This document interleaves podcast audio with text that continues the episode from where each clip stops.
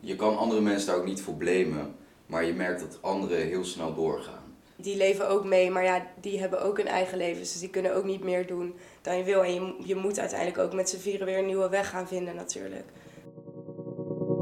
Welkom bij de derde aflevering van de Ketting van Verhalen.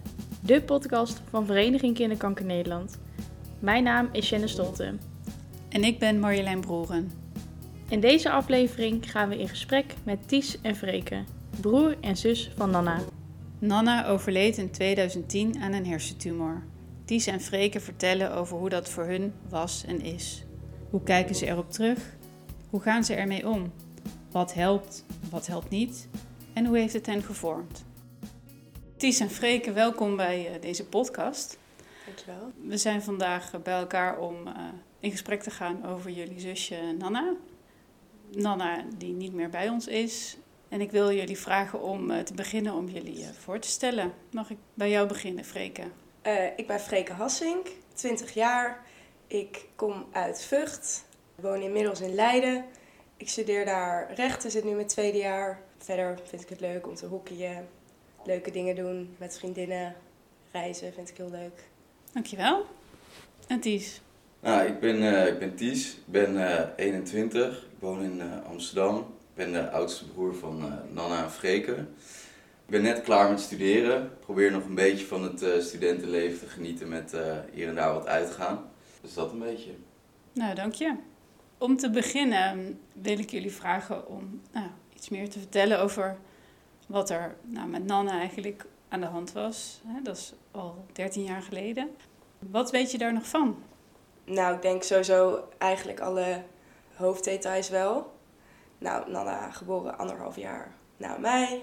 Eigenlijk drieënhalf jaar gezond, gelukkig, helemaal leuk geweest. Toen was ze bijna vier.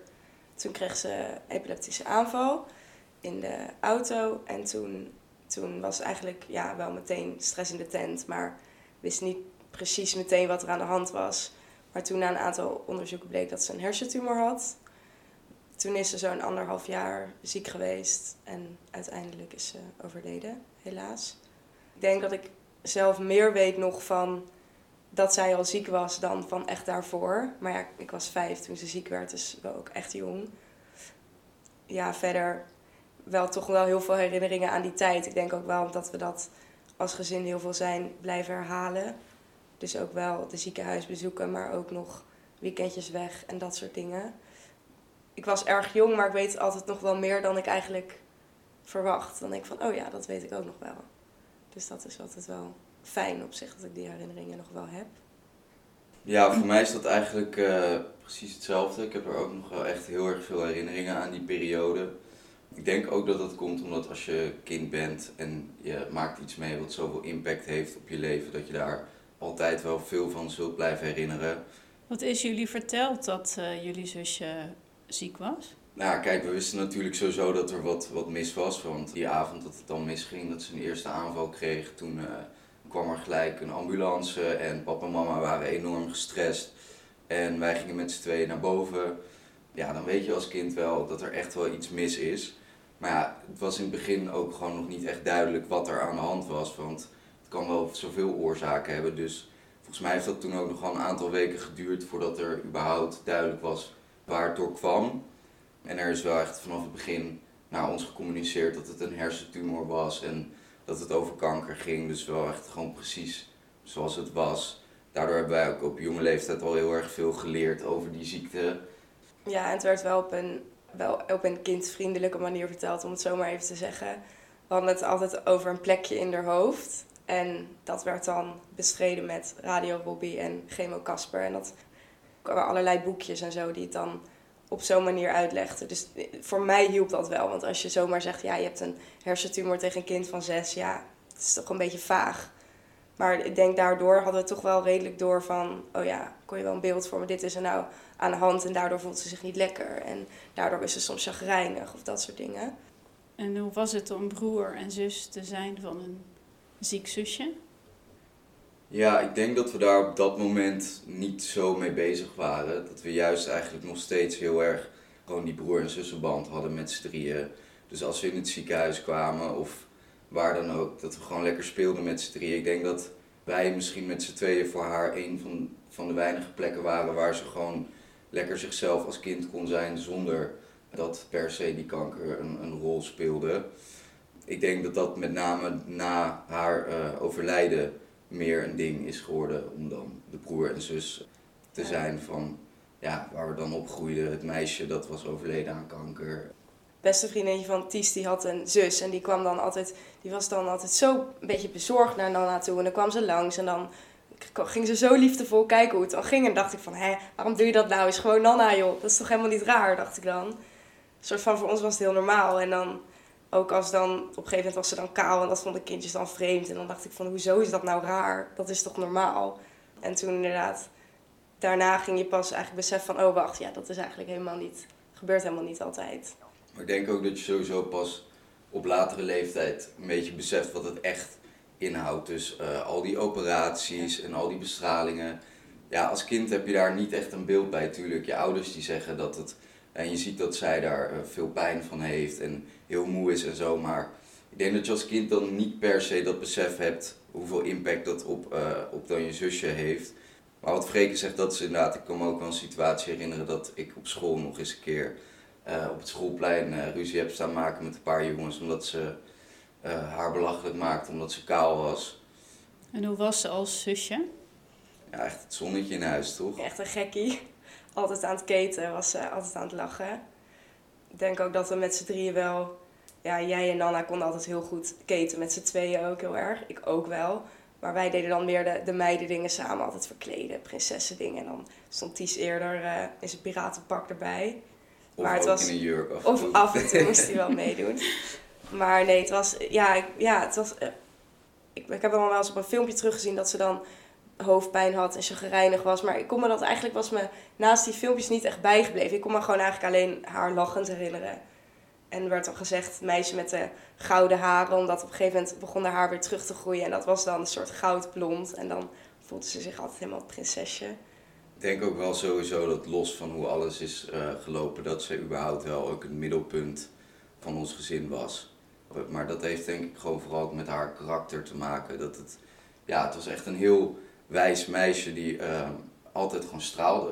Ja, ik weet ook nog dat de dokters op een gegeven moment, toen het er heel slecht uitzag, toen waren we met z'n vijf een keer in het ziekenhuis. waren wij, dat heb ik dan achteraf van wat mama gehoord, waren wij met z'n drie aan het spelen. En toen zeiden de dokters ook van, wow, maar hoe kan het dat ze nog aan het lachen is? Dat ze nog aan het spelen is, dat ze überhaupt nog kan zien en horen. Want eigenlijk zit haar hele hoofdje vol met kanker. Dus dat beschouwt papa en mama ook altijd wel als een wonder, ondanks dat er geen wonder is gebeurd. Dat, dat eigenlijk tot het einde nog van die fijne momenten heeft kunnen hebben. Hoe gingen jullie mee om toen het bekend werd gemaakt dat ze niet meer beter zou worden? Tegen ons werd nooit echt verteld, tegen papa mama wel, van het gaat waarschijnlijk, ze gaat waarschijnlijk niet meer beter worden. Maar ik kan me alleen nog herinneren toen, de allerlaatste avond, toen het dus echt heel slecht ging. Toen uh, zaten we erbij en toen was er een huisarts bij en geloof me opa en oma ook en mijn oom en tante. En toen werd wel echt tegen ons gezegd van... het kan zijn dat ze, dat ze er morgen niet meer is. Dat ze misschien vanavond gaat overlijden. En toen weet ik wel echt dat ik dacht... nou, wat is dat nou voor een onzin? Iemand kan toch niet zomaar overlijden? En toen gebeurde het wel. En toen vond ik het op het begin eigenlijk heel eng. Maar ik denk dat we daar wel, wel doorheen begeleid zijn. Ik weet niet of dat voor jou was. Mijn moeder heeft echt tot de, echt de laatste minuut altijd in de hoop geleefd. Van dat er een wonder zou gebeuren. Dat, het, ja, dat ze niet zou overlijden. Dus we hadden niet verwacht dat zoiets zou gebeuren. En ja, dat is heel raar als kind. Je weet gewoon niet hoe je daarmee moet omgaan. Het is iets wat je nog niet echt kent of zo. Kunnen jullie je nog wel herinneren hoe jullie afscheid hebben genomen van Anna? Ik weet nog dat die eerste week dat ze was overleden, toen was het constant familie over de vloer. En je vriendjes en vriendinnetjes, want iedereen kwam afscheid nemen die, die week vond ik eigenlijk best een leuke week. Doordat ze lag daar nog in haar bedje, soort van. Dus ze was er soort van nog. En ze lag dan bij papa en mama op de kamer. Dus in de ochtend dan ging je daarheen en dan lag ze daar nog in haar bed. En dan overdag kwamen alle vrienden en familie. En ook toen had ik ook niet helemaal door van dat ik er dan nooit meer ging zien. En ik weet nog dat we op een gegeven moment de kist gingen dichtdraaien. En toen was wel gezegd van, oh ja, hierna, dit is wel de laatste keer dat je er dan kan zien. Maar dat ik daarna nog steeds het idee had van, oh, maar wacht, ik wil er nog even zien. En dat het toen wel was van, oh, maar nu kan het niet meer. Dat was wel gek, ja. En ik denk pas vooral die week daarna dat je echt met z'n vieren over bent in huis. Dat er geen vrienden en familie continu meer zijn, dan is het pas raar eigenlijk. Dan merk je pas van, hè, maar nu mist er echt iemand. Ik kan me niet meer echt herinneren of wij echt op een specifiek moment dat ze nog leefde eh, afscheid hebben genomen. Nee, klopt. We deden wel toen van die gebedjes dan en zo in die avond. Dat weet ik wel nog. Maar ja, dan... Ja, je hebt ook niet echt het gevoel wat nou echt het gevolg gaat zijn van, van zo'n avond. Tot het dan uiteindelijk echt pas inzinkt, denk ik. Maar ja, dat was misschien ook omdat dus eh, met name mama, maar papa denk ik ook... gewoon nog heel erg die hele week in de hoop hebben geleefd van Ja. dat er een wonder zou gebeuren. Dat zij misschien wel expres ook niet een, ja, echt een formeel einde Ja, of een formeel afscheid eh, wilden houden. Omdat ze gewoon tot de laatste minuut hebben gehoopt dat het anders zou lopen. Hoe oud was jij en hoe oud was jij en hoe oud was Nana zelf toen op dat moment? Eh, Nana was vijf, eh, ik was zes en een half en jij werd bijna acht. En Weet je nog hoe dat was? De periode dat ze er niet meer was. Zeg maar, wat deden jullie toen? Nou, de, de eerste week die was super fijn. Want dan eh, ja, waren er allemaal mensen, vrienden van onze ouders, eh ooms, tantes die je helpen. En eh, dan ga je ook leuke dingen doen en zo. Dus ja, en daarna is het heel anders. Want dan ja, ben je in plaats van een gezin van vijf, zit je eigenlijk letterlijk voor je gevoel opeens met z'n vieren opgescheept. Met een enorme leegte. Dus dat is ook best wel een groot contrast. Van dat, ja, je kan andere mensen daar ook niet voor blamen, maar je merkt dat anderen heel snel doorgaan. Die leven ook mee, maar ja, die hebben ook een eigen leven. Dus die kunnen ook niet meer doen dan je wil. En je, je moet uiteindelijk ook met z'n vieren weer een nieuwe weg gaan vinden natuurlijk. En dat heeft papa en mama ook wel geprobeerd. Ik weet dat we, volgens mij we twee maanden daarna met z'n vier een weekendje naar België geweest zelfs. Dat, ze ook, dat je ook denkt van, soort van zo gek, maar ja, je moet wel. Volgens mij echt wel een hele grote stap, ook voor mama. ja, en- name, die vond dat heel, eh, heel lastig om dan voor het eerst met z'n vieren Ja. weg te gaan. Als kind leef je natuurlijk ook wel in het nu. Dus in principe, je bent op het strand, dat is leuk. Maar ja, ik weet wel nog heel goed dat ik in die periode vooral het... Ik haatte het getal 4. En 3 en 5 vond ik dan helemaal... dacht ik, nee, dat zijn mijn lievelingsgetallen. En ik weet wel nog dat ik dan... Ja, een soort van... Terwijl je hebt gewoon nog een broer, maar het voelde heel leeg of zo. Ja, ergens dan die eerste jaren geloof je ook nog wel van... Oh, maar ze is gewoon ergens, weet je wel. Ze, ze zwerft gewoon rond en dan betrek je haar soort van ook nog heel erg, ondanks dat ze er niet meer fysiek is, dan van ja, maar mijn zusje is ergens anders. En deed je dan nog iets specifiek om haar een plek te geven? Of... We hebben nooit eigenlijk geleefd volgens de gedachte van nou, je bent dood en dan is het klaar. Ja, Het was altijd voor ons, eh, mijn moeder ook, als ze dan een vlindertje zag of Ja. een rommel, dat was voor mijn moeder altijd een teken eh, dat ze erbij was. En nog steeds met, met kerst of wat dan ook, Ja. staat altijd een foto met een kaarsje erbij aan tafel. Het is nog steeds belangrijk ja. voor mijn moeder dat ze, er, dat ze erbij is. ja, we gingen iedere dag eigenlijk naar het graf ook. Dan hadden we zo'n lekkere ijszaak in het dorp, dorp die heette dan Lavinia. En dan gingen we altijd een rondje Lavi Nana doen. Dan gingen we eerst naar Nana's graf. Ging mama de kaarsjes aan doen en dan speelden wij daar in de bomen of zo. En dan gingen we daarna naar de ijszaak. Dus op die manier was ze iedere dag nog wel in ons leven, soort van. Ondanks dat je niet meer een fysiek iemand hebt. Hoe vonden jullie dat? Ik vond dat op zich wel fijn. Ik denk dat het ook wel heeft geholpen door een soort van... Ik, de- ik vind dit fijner dan dat het in één keer was van... Oh, we zijn echt met z'n vieren en we gaan door met z'n vieren. Want dat had natuurlijk ook gekund. Ik denk dat dat misschien ook wel heeft geholpen om het in eerste, staat, in eerste instantie een klein beetje nog een plek te geven, omdat het nog een plek had. En ik vond het ook wel fijn, want daardoor wisten ook wel al mijn vriendinnetjes en zo van, die gingen dan ook mee dat rondje La Vinanna doen. En dan die, die wisten ook van, oh ja, we gaan dat even doen. En het was, dat was eigenlijk heel normaal ook wel. En mijn ouders hadden wel heel veel fijne vrienden en familie ook om hun heen, die hun ook wel steunden zoveel als ze konden. En we hadden ook heel veel vriendjes en vriendinnetjes altijd over de vloer, dus dat hielp ook wel met die leegte. Wij zaten zitten ook dicht op elkaar qua leeftijd, dus dan speelden we vaak met z'n ze- ze- met z'n vieren of met z'n zessen als er dan mensen over de vloer waren. Ja, in die eerste jaren is het dan fijn dat, dat mama dan, dan zegt van, oh, daar is Nana en zo. En op een gegeven moment, als je dan zo 11, 12 wordt, denk je toch wel, ja, mam is gewoon een vlinder. Natuurlijk, als je er rationeel over gaat nadenken, dan, eh, dan kan je natuurlijk heel makkelijk zeggen dat het onzin is. Maar dat soort dingen blijven gewoon fijne gedachten. En ik moet mijn moeder wel echt nageven. Ik heb ook wel echt momenten meegemaakt dat gewoon in de winter opeens een vlinder langskomt. Of ik heb ook al meerdere keren gehad dat dan toevallig net als er iets eh, goeds gebeurt, als je heel vrolijk bent, dat er opeens heel random een, eh, een hommel of zo heel dichtbij komt. Ja, het kan volkomen toeval zijn, maar ja, I don't know. Het, is toch, het blijft ook zo'n dingetje van het is ook misschien wel mooi om in te geloven of zo. Maar ik kan een beetje opmaken dat jullie dat niet heel erg hebben. Of Ik denk misschien jij nog wel iets meer dan ik, eigenlijk. Ja, ik denk, ik denk dat, dat jij er iets rationeler in bent. Dat ik misschien wel eh, iets meer in dat, soort, eh, in dat soort dingen geloof. Ja, ik denk ook wel, het is misschien ook wel een kwestie, en dat besef ik ook wel van, eh, wil je het zien? Want ik zeg dan heel vaak tegen mama van, ja, maar ik zie dat niet. Ik zie niet zulke gebaartjes en zo. Dus hoe moet ik het dan geloven? Maar ja, als je met zo'n houding erin staat, dan wil je het misschien ook niet zien. En ik zeg het altijd wel, maar het is misschien meer om het als een soort dekmantel. Want diep van binnen denk ik toch ook wel van, hé, hey, toch wel soms. Maar ja, het is ook een geruststellende gedachte van, ze is er nog op een manier en er is nog iets. En ik kan ook weer niet geloven dat het dan, dat het dan nergens is of zo. En dat zij dan helemaal weg is of zo. Ergens heb ik dan toch wel het geloof van, oh ja, op een dag dan zie ik er wel weer. Of dan kan je, soms kan je het ook wel voelen of zo. Ondanks dat je dan niet echt dat een duiding kan geven, maar dan heb je wel zo'n gevoel. Dus dat is ook al wel. Wat voor gevoel bedoel je, Freke? Ja, gewoon, soms zit je in de trein en dan kijk je naar buiten en dan zie je iets en dan überhaupt misschien al emotie dat je dan op een bepaald moment geraakt wordt. Of dan, we hebben altijd dan eigenlijk vaste liedjes die we luisterden als we naar het ziekenhuis reden. En altijd als die dan, die komen dan soms op bijzondere momenten op of zo. En dan krijg je toch wel zo'n warm gevoel van binnen. Wat Welk eigenlijk liedje ook bijzonder is. bijvoorbeeld? Eh, en nou bijvoorbeeld eh, Blauw een- van de Scene. Een hele...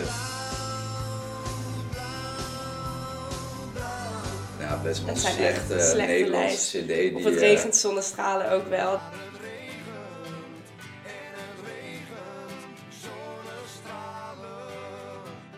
Dat soort liedjes, die luisteren Ja, er stonden een paar van die Nederlandse soort van klassiekers op. En die had mijn pa toevallig in die tijd in zijn auto liggen. Dus het is eigenlijk puur toevallig. Had die cd, Ja. zette die dan op en wij vonden die heel leuk. Ja. Eh, en daar stonden dan een stuk of twaalf eh, Nederlandse liedjes op. Ja. Waar wij dan nu dus hele warme herinneringen aan hebben aan die tijd. Het is toch ook wel fijn dat je dan, ondanks dat je naar het ziekenhuis reed, dat je daar, omdat het dan toch wel zo'n leuk moment van werd gemaakt, dat je daar nog steeds eigenlijk fijne herinneringen aan hebt. Ondanks dat de reden dat ze daar lag natuurlijk niet leuk was. Ja, ik zie dat sowieso denk ik nog wel als de, als de mooiste periode van mijn leven. Misschien ja, juist omdat je er niet meer hebt, dat dat dan Ja. misschien wel de fijnste periode van mijn leven is om op, eh, om op terug te kijken. Nu is het altijd, nu kan het alsnog fijn zijn, maar ergens is er toch altijd iets in je zeg wat zegt, oh maar het was nog fijner geweest als zij er wel bij Ja, was het geweest. klopt niet helemaal of zo. Ja. En wat missen jullie aan Nanne? Nou, ik met name kijk in mijn, in mijn dagelijks leven niet per se, want ja, waarschijnlijk was zij ook in een andere stad gaan wonen. Preken zie ik ook, ja, één, soms twee keer per maand. Dus eh, voor mijn dagelijks leven zou het niet veel verschil maken. Maar wat ik wel heel erg mis, is dat ik haar niet kan zien opgroeien. Want zij was dan nu 18 geweest, toch? Ja, 18. Ja, dat is toch de leeftijd dat je een beetje de wereld gaat ontdekken. Je gaat op een gegeven moment studeren of een wereldreis maken. Of had je er misschien ook al een beetje beeld bij wat ze dan zou hebben gedaan? bij haar kan je dat echt niet zeggen, denk ik. Ja, Dat terwijl echt ik, ik fantaseer daar soms wel een beetje over. Want zij was bijvoorbeeld wel, denk ik, iets vrijer dan wij, wij allebei. En ze hield heel erg van dansen. En we hebben bij ons in het dorp hebben we zo'n middelbare school die daar dan heel veel tijd aan besteedt. Dus dan denk ik wel eens, nou, dan denk ik dat ze daar naartoe was gegaan. En ik denk dat zij ook wel had willen reizen, misschien in een tussenjaar of zo. Maar ja, ja, in die vijf jaar vorm je een soort beeld van iemand wat natuurlijk ook heel erg nog had kunnen veranderen. Eh, maar ik, ik zie het wel, ik denk nog steeds wel dat zij heel veel vriendinnen zou hebben en heel erg van gezelligheid zou houden. Een kind van vijf, op basis daarvan weet je gewoon nog niet eh, hoe diegene is als hij 18 is of, uh, of daarboven. Ja. Hoe is jullie band geworden? Uh, ik denk wel uiteindelijk wel sterker. Ook wel eigenlijk veel sterker. Je hebt een soort van één persoon die hetzelfde heeft meegemaakt als jij. En met je ouders kun je er ook over praten. Maar voor hen is het ook weer anders dan voor ons. En ik denk, zeker in die eerste paar jaar leunden wij ook wel heel veel op elkaar. Ook omdat we hadden heel veel ruzie, maar we speelden ook heel veel samen. En die ruzie was ook eigenlijk logisch. Mama zegt ook wel eens van... Ik denk ook wel dat jullie de, de balans misten in het gezin. En in één keer... We hadden dan, als er met z'n drie een akkefietje was, dan, of met z'n twee, dan ging je naar de ander. En dan nu in één keer had je alleen elkaar. En het kon ook wel eens frustrerend zijn. Maar uiteindelijk denk ik ook wel een soort van... Daar, daarom moesten op vakanties moesten wij ook wel met z'n tweeën. En dan gingen we dat ook doen. En uiteindelijk werkte dat ook wel heel goed. Ondanks de ruzies ben gewoon wel heel blij dat ik nog mijn broer heb. Ja. Zeg maar. Ja, insgelijks. Ja. Nee, uh, ja, ik denk ook dat uh, die band uh, ongetwijfeld sterker is geworden daardoor. Ja, wat Freke zegt, je hebt niet echt iemand anders daarvoor. Um, ja, vriendjes en vriendinnetjes die begrijpen toch niet als, als kind hoe dat nou is. Je ouders, bijvoorbeeld papa en mama, die hadden dan ook al heel erg hun, hun eigen pijn en daar wil je ze dan, tenminste zo, dat was mijn gevoel, een beetje hun ook niet te veel mee, mee belasten. Omdat zij het ook al uh, uh, lastig hebben. Ik denk ook dat we daarin heel veel geluk hebben dat wij met z'n tweeën uh, overbleven. Want ja. stel dat we een gezin van vier waren geweest en er was nog maar één van ons. Ja, denk ik dat het wel lastiger is. Want dan heb je gewoon niet een broertje of zusje die jou kan steunen. Ja. Terwijl ook met, met onze ouders konden we daar altijd heel goed over praten het helpt ook, ook wel weer deels ook in die leegte natuurlijk. Dat je dan iemand anders nog hebt. Ja, en nu zien we elkaar niet heel vaak, maar dat is niet erg. Want onze band is er toch wel. Als uh, een kind in het gezin overleden is, hè, dat uh, andere kinderen even een soort van pas op de plaats maken. Omdat ouders dan eigenlijk eerst moeten rouwen voordat de kinderen dat kunnen doen. Hebben jullie daar iets van gevoeld? Misschien voor jou iets anders was dan voor mij. Want die, die ruimte die was er zeker. Ik denk dat het bij mij meer persoonlijk was. Dat ik zelf uh, mijn ouders daar gewoon niet mee wilde belasten. Niet dat ik niet het gevoel had dat uh, die ruimte er niet was. Maar ik voelde daarin uh, vanaf jongens van eigenlijk wel best wel een beetje een verantwoordelijkheid als oudste zoon. Om hun niet met, voor mijn gevoel, nog meer te belasten ja, je hebt dat verantwoordelijkheidsgevoel inderdaad altijd eigenlijk zo gevoeld. Terwijl, naar mijn mening is dat natuurlijk nergens voor nodig, want je bent net zo goed kind van papa en mama, net als ik. Maar inderdaad, ja, dat, we hebben wel in meerdere dingen gemerkt dat jij dat altijd zo voelde. Jij hield het ook meer voor jezelf. Dat je het er daardoor later misschien juist wel wat moeilijker nog mee hebt gehad. Nou ja, het was bij mij meer als ik het er moeilijk mee had, dan zei ik dat ook wel. Dus dan kun je, heb je toch wel meer ook wel een uitlaat, uitlaatklep ja, uiteindelijk is het natuurlijk toch wel, dat wordt ook altijd wel gezegd, dat rouw uiteindelijk wel eenzaam is. Want niemand voelt wat jij voelt op elk moment van de dag. Dus soms is het ook fijn om het gewoon even voor jezelf te houden. Maar ja, ik heb nooit het gevoel gehad dat dat moest. En jij misschien wel meer. Ja, niet per se het gevoel dat dat moest. Want ik, uh, uh, want ja, papa en mama zijn super warm en heel ja. open. Dus ik wist echt wel denk ik ook als kind dat die ruimte er was. Ik denk dat het meer een keuze van mezelf uh, was in die tijd. Misschien ook omdat ik het zelf liever gewoon in mijn eentje deed. Ik denk dat de eerste jaren kon ik het er op zich wel over hebben. Toen ik 8, 9 was, een beetje vanaf mijn, mijn tiende uh, jaar wat ik me kan herinneren, heb, heb ik het er eigenlijk niet meer over gehad. Dus ja, als je dat dan nu terugredeneert, als je tien jaar oud bent, ja, in hoeverre kan je dat dan beoordelen? Ja, uiteindelijk heeft iedereen zijn eigen proces, soort van, waar die doorheen gaat. En dat is ook helemaal oké. En dat, daar waren papa en mama ook. En ja, als jij het er niet over wil hebben, dan is dat ook prima. Als je kind bent en dan bepalen je ouders ook een beetje hoe er met het nou, verlies wordt omgegaan. En als je dan in de puberteit komt, hè, dan moet je daar zelf een beetje een weg in vinden. En zo te horen hebben jullie dat best op een andere manier gedaan. Wat heeft jullie in de tijd geholpen en wat niet misschien? Zeg maar, uiteindelijk praat ik, ik er ook niet heel veel over. Maar ik had wel veel mensen die ervan wisten. En veel vriendinnetjes had ik ook op de middelbare school die ik al lang kende. Dus die stuurde mij dan ook berichtjes op haar sterfdag en dat soort dingen. Dus het was voor mij wel een fijne gedachte dat mensen wisten wie zij was en dat zij had bestaan. En op dat soort momenten er ook aan dachten. Want daardoor voelde het wel ook alsof zij nog steeds die plek in mijn leven had. En dat ik dat niet per se in mijn eentje hoefde te verdedigen. Of zo. Dus dat heeft me denk ik wel geholpen. Maar ik denk ook dat ik uiteindelijk op mijn dertiende, veertiende pas weer ging terug nadenken over die tijd. En toch wel besefte van, ja, dat het wel heftig was. En ik, ja, we hebben zelf, vind ik altijd best wel een, een stoer gezin. Qua mama is best wel een, een stoere vrouw. Ik vind mama best wel een jongensmoeder eigenlijk ook. Die kan heel goed met jongens omgaan. Ehm, en ik miste wel eigenlijk heel erg dan dat zusje toch wel. Omdat ik hield wel best wel van die meisjesdingen en zo. En dan hadden mijn zus en mijn vriendinnen hadden het over wat ze dan met hun zusjes deden. En dan zag ik die band en dan kon ik dat wel heel erg missen. Nog steeds is dat denk ik hetgeen wat ik dan het meest mis. Uh, maar het helpt mij inderdaad wel dat dan dat haar plek dus nog steeds eigenlijk erkend werd.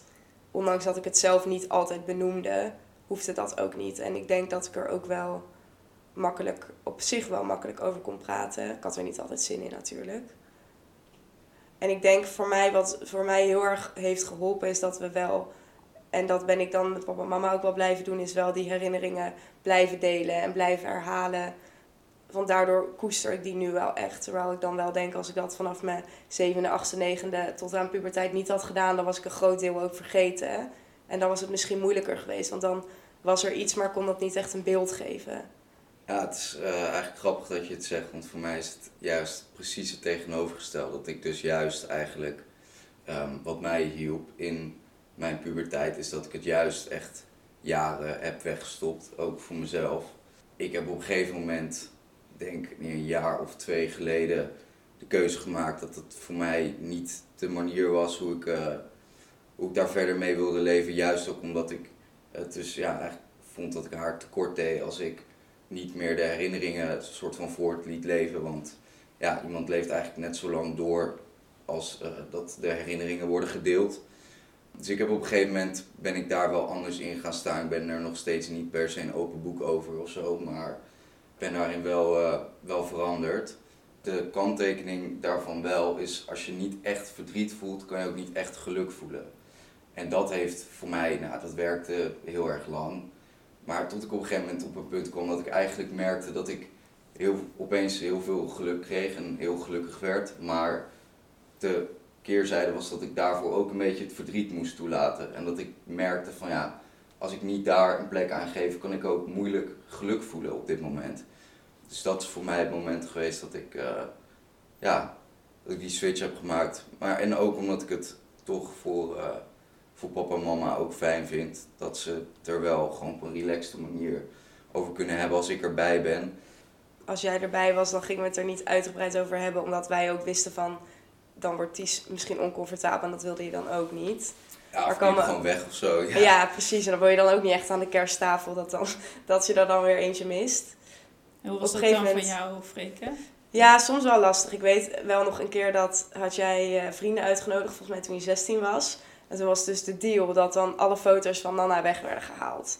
Met dan, en mama vond dat goed, want mama dacht, ja, als hij dat niet fijn vindt, dan doen we dat. Maar ik, ik ging toen helemaal over de rooien. Want ik vond dat echt nergens op slaan. Ik dacht, wat is dat nou? Je gaat toch niet... Maar achteraf snap ik het. Maar ik weet wel, op zulke momenten dacht ik echt, nou, kom op. Maar ja, ik, wil, ik, ja, ik kan ook niet soort van... Uiteindelijk zat bij hem natuurlijk ook pijn achter. Dus dat kun je ook niet gaan... kan er ook niet echt boos om worden uiteindelijk. Maar ik weet nog wel het moment, want jij hebt een, een tatoeage ook waar Nana, uh, van Nana, van haar eigen naam in haar handschrift. En ik weet wel nog, anderhalf jaar geleden heb je dat gedaan, denk ik. Ja, op haar, op haar, uh, op haar sterfdag in ja, dat 20, was wel voor mij 22 ja, volgens mij. Dat was wel het moment voor mij dat ik dacht, wow, zeg maar van dat, dat die zich weer een beetje openstelde naar dat. Want daar, sindsdien hebben we het er ook wel eens weer over. En daarvoor eigenlijk niet. Uh, dat was ook wel een grote stap. Ik heb daar ook echt. Ik wilde dat eigenlijk al jaren, maar dus nooit echt daar dan ready voor.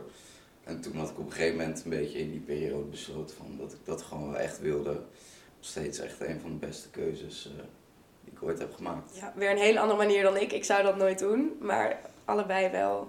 Ja, Ja, het verhaal daarachter vind ik vooral heel, Ja. eh, dat is heel mooi, want ik had vroeger een, eh, een kapla set met van die houten blokjes. En Nana die had ooit haar naam geschreven met een pen op een van die blokjes.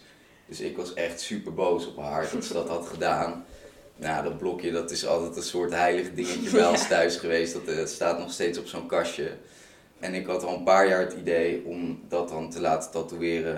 En dat heb ik uiteindelijk ook gedaan met een beetje de gedachte erachter van ik was toen boos dat zij dat zo op dat blokje had gezet. En nu staat het op mij en kom ik er nooit meer vanaf. Dus eh, En waar heb je hem laten tatoeëren? eh, hier, net eh, onder mijn borst, op mijn rib. Nee, dus nu op zich is het dan wel, als iemand er dan vraagt, dan is het niet meer erg om. Nee, dan kan ik daar gewoon, ja, weet je, ik zal het niet zo heel snel opbrengen bij mensen. Misschien mensen die ik of heel goed ken, eh, of mensen die een, eenzelfde soort verhaal hebben. Maar ja, ik kon daar nu wel een stuk luchtiger over praten, terwijl ik dat vroeger dan eh, hield ik gewoon mijn mond erover. Reek, hoe is dat voor jou? Want jij eh, studeert nu in Leiden, eh Ties in Amsterdam. ja. Eh, nieuw leven, nieuwe mensen die je leert kennen. Is, is Nana dan onderwerp van gesprek? Nou, ook niet meteen. Maar ik, ik zeg meestal als ik dan de vraag krijg van de broertjes of zusjes, dan zeg ik het niet meteen. Maar als ik mensen goed leer kennen, weet bijvoorbeeld bij mijn huisgenoten heb ik het geloof ik wel echt de eerste of tweede dag dat ik daar officieel kwam wonen, toen wel verteld ook. En dan bij mensen als je huisgenoten komt een stukje bij beetje ook wel iets meer dat verhaal naar boven.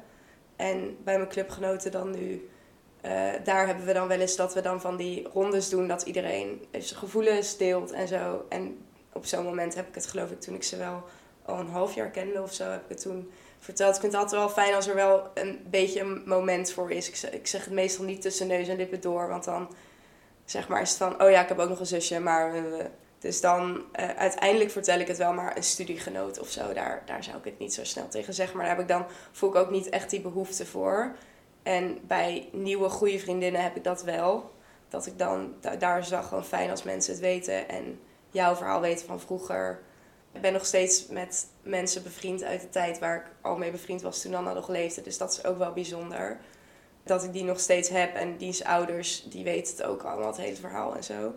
Dus dat is wel fijn. En soms is het ook wel gek of zo dat dan je goede vriend, vriendinnen van nu, dat die haar nooit gekend hebben. Maar daarom denk ik dat het soms extra fijn is om het verhaal dan wel te vertellen. Dus dat doe ik dan wel.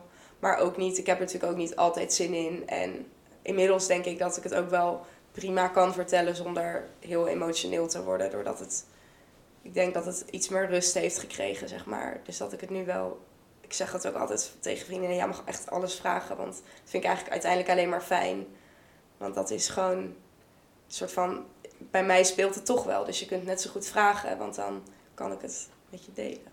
Het is natuurlijk ook zo dat het op ons dagelijks leven niet, Ja. niet direct heel veel impact heeft. Tuurlijk, je denkt er nog steeds heel vaak aan. Maar ja, met een zusje, zeker als dat zo lang geleden is, dat komt niet zo heel erg snel eh, ter sprake. Ja. Zijn er ook momenten eh, die jullie nu moeilijk vinden?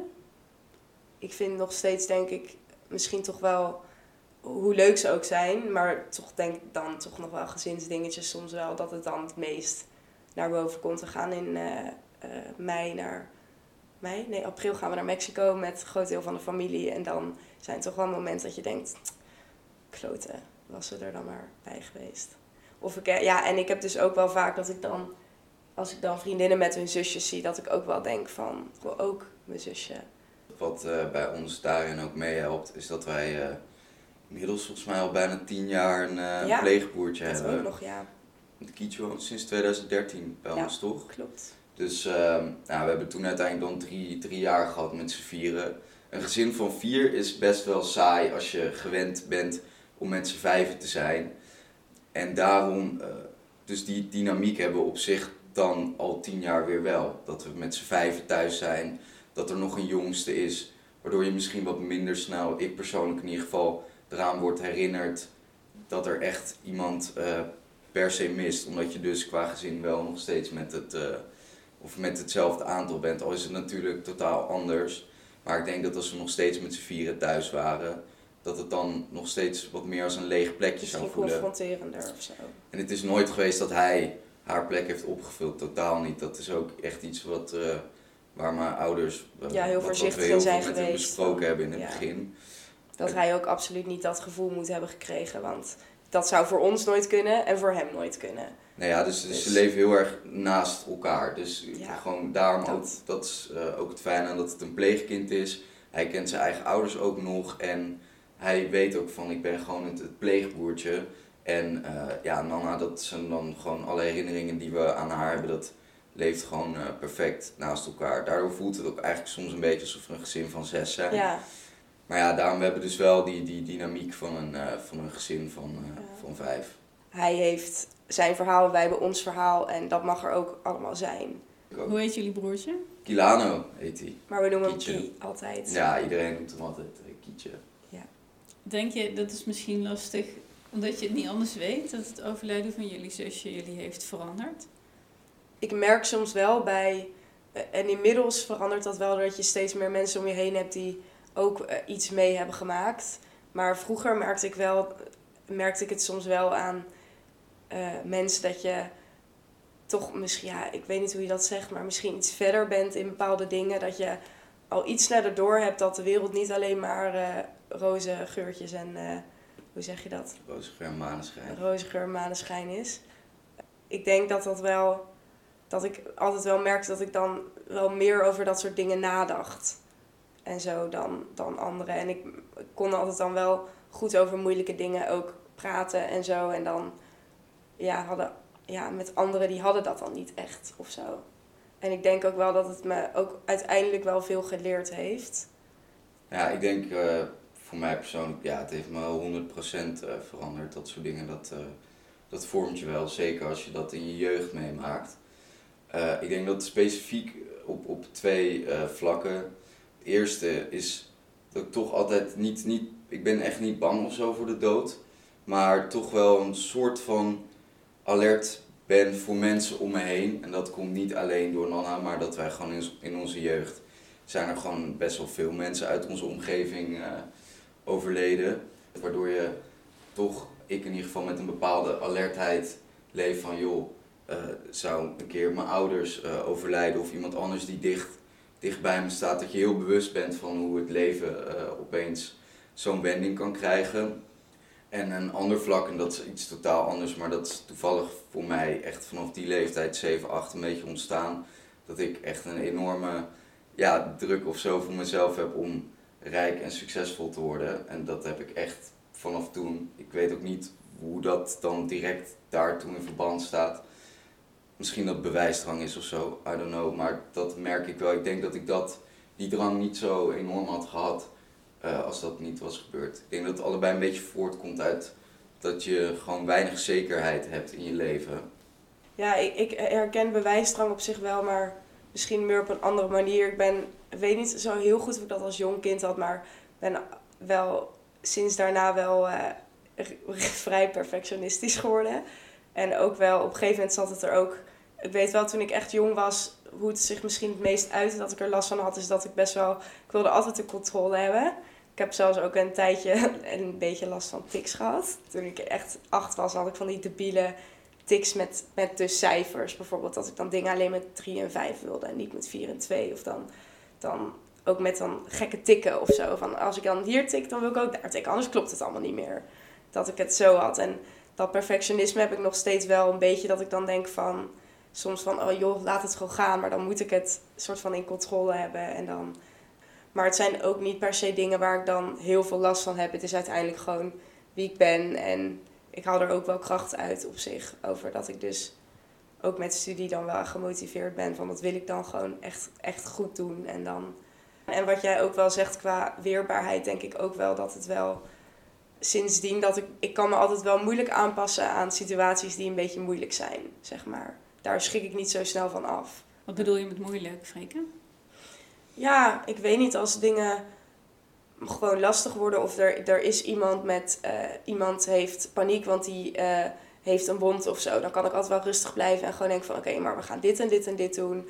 En weet je wel, komt goed, we gaan het regelen. Of als er iemand overlijdt, kan ik ook wel. Ik schiet dan niet super snel daarvan in de paniek. En ik denk misschien dat dat ook wel met die tijd ook wel een, een link heeft gehad van toen daar al mee geconfronteerd van oké, gewoon rustig blijven en we gaan het gewoon doen. Nou, ik denk dat wat je, wat je net zei over je, over je studie, ik denk dat wij dat allebei wel hebben. Ik denk dat dat misschien ook wel een beetje duidt waarom ik ja, zelf graag succesvol eh, wil worden. Dat je dan gewoon vanaf jongens aan heel erg leert en besef krijgt dat je er van, eh, wat van moet maken in het leven. Want het is niet iedereen gegund en het kan ook zo voorbij zijn.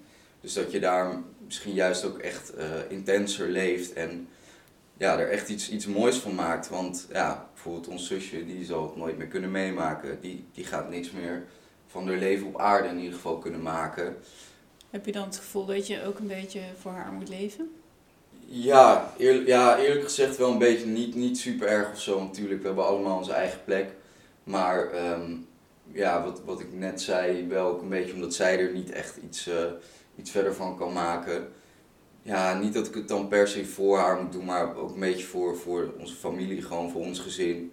Dat ik er gewoon voor ons allemaal uh, wat van wil maken. En dat ik daar uh, dan ja, daarin toch een beetje die verantwoordelijkheid als oudste broer, denk ik, ja, wel blijven houden. En voelt dat ook als een last? Nee, nee. Het voelt echt uh, vooral als een krachtbron eigenlijk. En hebben jullie ook um, hulp gehad in de, misschien vanaf overlijden tot nu, denk aan rouwtherapie of... Nou, nooit. Ja, nou ja, ook wel een vorm van therapie. Wij, um, dat deden we eigenlijk al toen ze ziek was, gingen we wel naar, uh, ja, hoe heet ze ook weer? Annette, ik weet even de achternaam niet meer.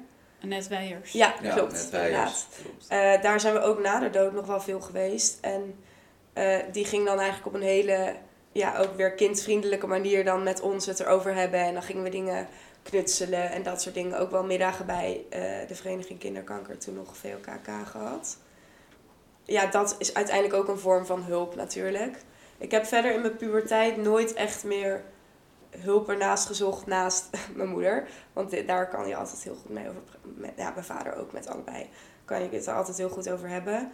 Maar ik denk als kind dat dat wel uh, fijne manieren waren. Ook omdat er lag niet te veel druk op. Je ging gewoon iets leuks doen en je ging daar spelen. Annette had een hele mooie zolder met allerlei dingen. Maar daar ondertussen ging het ook wel veel over Nana. Wat wel fijn was, denk ik. Ik weet nog wel vroeger, want ik kon ook echt uh, driftig zijn. Ik was echt een echt verschrikkelijk lastig kind vroeger. Ja, dat ja. ook wel weer mee. Nou, een beetje. Ik was wel lastig. Ja, maar mijn moeder die wilde super vaak dat ik met mensen ging praten. En die heeft echt wel drie of vier mensen geprobeerd. Maar ja, elke keer als ik er kwam, ik, ik zag er het nut gewoon niet echt van in. Ik, ik had ook helemaal geen zin om met een vreemd iemand daar dan over te gaan praten. Ja, ik heb dat nog steeds wel een beetje. Ik, ik geloof in ieder geval voor mezelf er niet uh, niet per se in. En dat kan altijd nog veranderen. Wie weet dat ik daar over een jaar of over twee jaar heel anders in zit. Maar wat ik tot nu toe altijd een beetje heb gehad, is dat het voor mij persoonlijk niet echt meer waarde heeft om dan ja, ergens bij een psycholoog met wat tissues op zo'n bank te gaan liggen. Ik zie dat gewoon niet echt voor me. En je noemde net al hè, de VOKK. Ja. De, hè, nu heet de Vereniging Kinderkanker Nederland inderdaad. Daar zijn jullie... Want wat hebben jullie daar gedaan? Nou, ik, ik volgens mij zijn we daar pas gekomen toen Anne was overleden, toch? Voor het eerst dat wij daar ook heen gingen. Maar dat is toch überhaupt... Of, ja, nee, maar jullie doen ook dingen geloof ik voor kinderen die uh, op dit moment ziek zijn. Maar nee, wij zijn volgens mij daarna pas uh, ja. daarmee in contact gekomen. En dan gingen we altijd naar van die middagen uh, bij zo'n hele mooie boerderij. Ik weet even, volgens mij was het in het oosten ergens van het land. Ja, niet meer La, een beetje Langbroek heet het. Ja, ja, dat inderdaad. Ik weet eigenlijk niet of het in het oosten is. Maar daar gingen we altijd heen en dan de zomer kon je daar zwemmen. En dan winters ging je knutselen, wandelen. En daar kwamen dan ook uh, allerlei... We gingen dan op, volgens mij, brusjesdagen. En dan ging je dus op dagen van broers of zussen van iemand die was overleden. Nee, dat noemen ze Oh ja, zo. dat heet ook brusjesdagen. En um, uh, dan was het ook wel fijn om dan te zien dat er dus ook andere kinderen waren die, die ook... Want op school zag je nooit dat er was er nooit iemand die ook een broertje of zusje had over, die was overleden. Maar daar had je dat wel. Maar nog steeds, we waren daar veel met z'n tweeën ook wel. Ook omdat dat dan waren vreemde kinderen die je niet echt kende. Maar het was wel, ik vond het altijd wel leuke middagen. En het helpt denk ik wel voor je perspectief ook van... Oh ja, er zijn ook meerdere mensen met dit soort verhalen. Wij trokken daar sowieso wel, uh, wel veel met z'n tweeën op. Maar zo zijn we altijd wel een beetje geweest. Op vakanties gingen we ook vooral veel met z'n tweeën spelen in plaats van met eh, vreemde kinderen. Of ja, met nieuwe kinderen of zo. Wij waren altijd veel, eh, speelden we gewoon samen. Maar wat ik me daar wel van kan herinneren, ik ging daar ook niet per se met de intentie heen om het daar dan over te hebben of om te rouwen. Nee, maar eh, wat Freke zegt, het gaf wel een bepaalde rust dat je wist van iedereen die daar zit heeft wel een soort gelijk verhaal. En eigenlijk ga je dan als kind het al een beetje relativeren dat als je daar andere verhalen hoort, dat je dan denkt van oeh, nou dan valt het bij ons eigenlijk nog best wel mee. En jij bent naar de Good Cause Rally volgens mij een paar keer met Ja, de VOKK klopt. geweest. Zo, Van dat ja, soort, eh, dingen. Ik vind nog steeds eigenlijk het mooiste initiatief ook wel de kanjerketting. Ik kijk heel vaak nog ook wel naar de kanjerketting van Dana. Het is eigenlijk op een vrolijke manier worden eigenlijk al haar behandelingen vastgelegd. En dan herken je ook van, oh ja, die kraal daarvoor en zo. Ehm, en hier ging ze kaal, want dan heb je zo'n petje. En eh, ja, ja, volgens mij vond ze zelf ook die ketting wel heel mooi. Ja, ja, en daar, daar was ze dan ook wel ding. trots op als ze dan weer nieuwe kralen had. En ik vind dan wel bijzonder dat we die dan ook nog steeds hebben. Want wat zouden jullie andere Brussen hè, die dit mee gaan maken of misschien net hebben meegemaakt, wat zou je hen mee willen geven? Eh, ja, het is heel cliché, maar stel dat, er, eh, dat, dat het er niet goed uitziet voor iemand. Geniet gewoon van de tijd die je hebt. Eh, maak zoveel mogelijk mooie herinneringen. Ehm, en voor de rest, ja, stel dat iemand overlijdt. Het, ik, voor mijn gevoel, het pijn zal nooit minder worden. Je leert er beter mee te leven. Ehm, dus het is niet zo dat, dat als het tien jaar of twintig jaar geleden is, dat het dan niet meer zoveel voorstelt. De pijn blijft nog precies hetzelfde. Alleen je weet wat beter hoe je daar invulling aan moet geven in je, in dagelijks leven. Ja. Ja, en ik denk, soort van, uiteindelijk is, ook als het bij ons niet goed afgelopen is, ons verhaal ook wel hoopvol. Doordat je ook wel ziet dat wij hebben allebei hartstikke fijne levens, onze ouders ook. Ondanks dat je wel heel graag iemand erbij had willen hebben. En ik zou voor mezelf ook altijd zeggen van blijf ook die herinneringen koesteren en delen met mensen die je hebt. Want ondanks dat ik er dan al 13 jaar niet gezien heb, voelt het wel, voelt altijd alsof ik wel een zusje heb. Ook al is het lastig te omschrijven. Maar ik denk dat je daar ook gewoon wel trots op mag zijn. En diegene mag er ook gewoon zijn. En dat zou ik misschien ook wel meegeven. Van je mag ook iets van je leven maken. eh, ondanks dat diegene er niet meer is. Dan wil ik jullie ontzettend bedanken voor jullie bijdrage, Ja. Ties en Freke. Heel graag gedaan. Ja, Het is wel mooi, uiteindelijk wel ik, We hebben het nu ook weer over dingen gehad waar ik het dan eigenlijk nog nooit echt over heb gehad. Dat is toch ook wel weer mooi dan. ja klopt. En jij had ook eh, opeens bij mij weer herinneringen naar boven Ja. die ik zelf alweer helemaal was vergeten.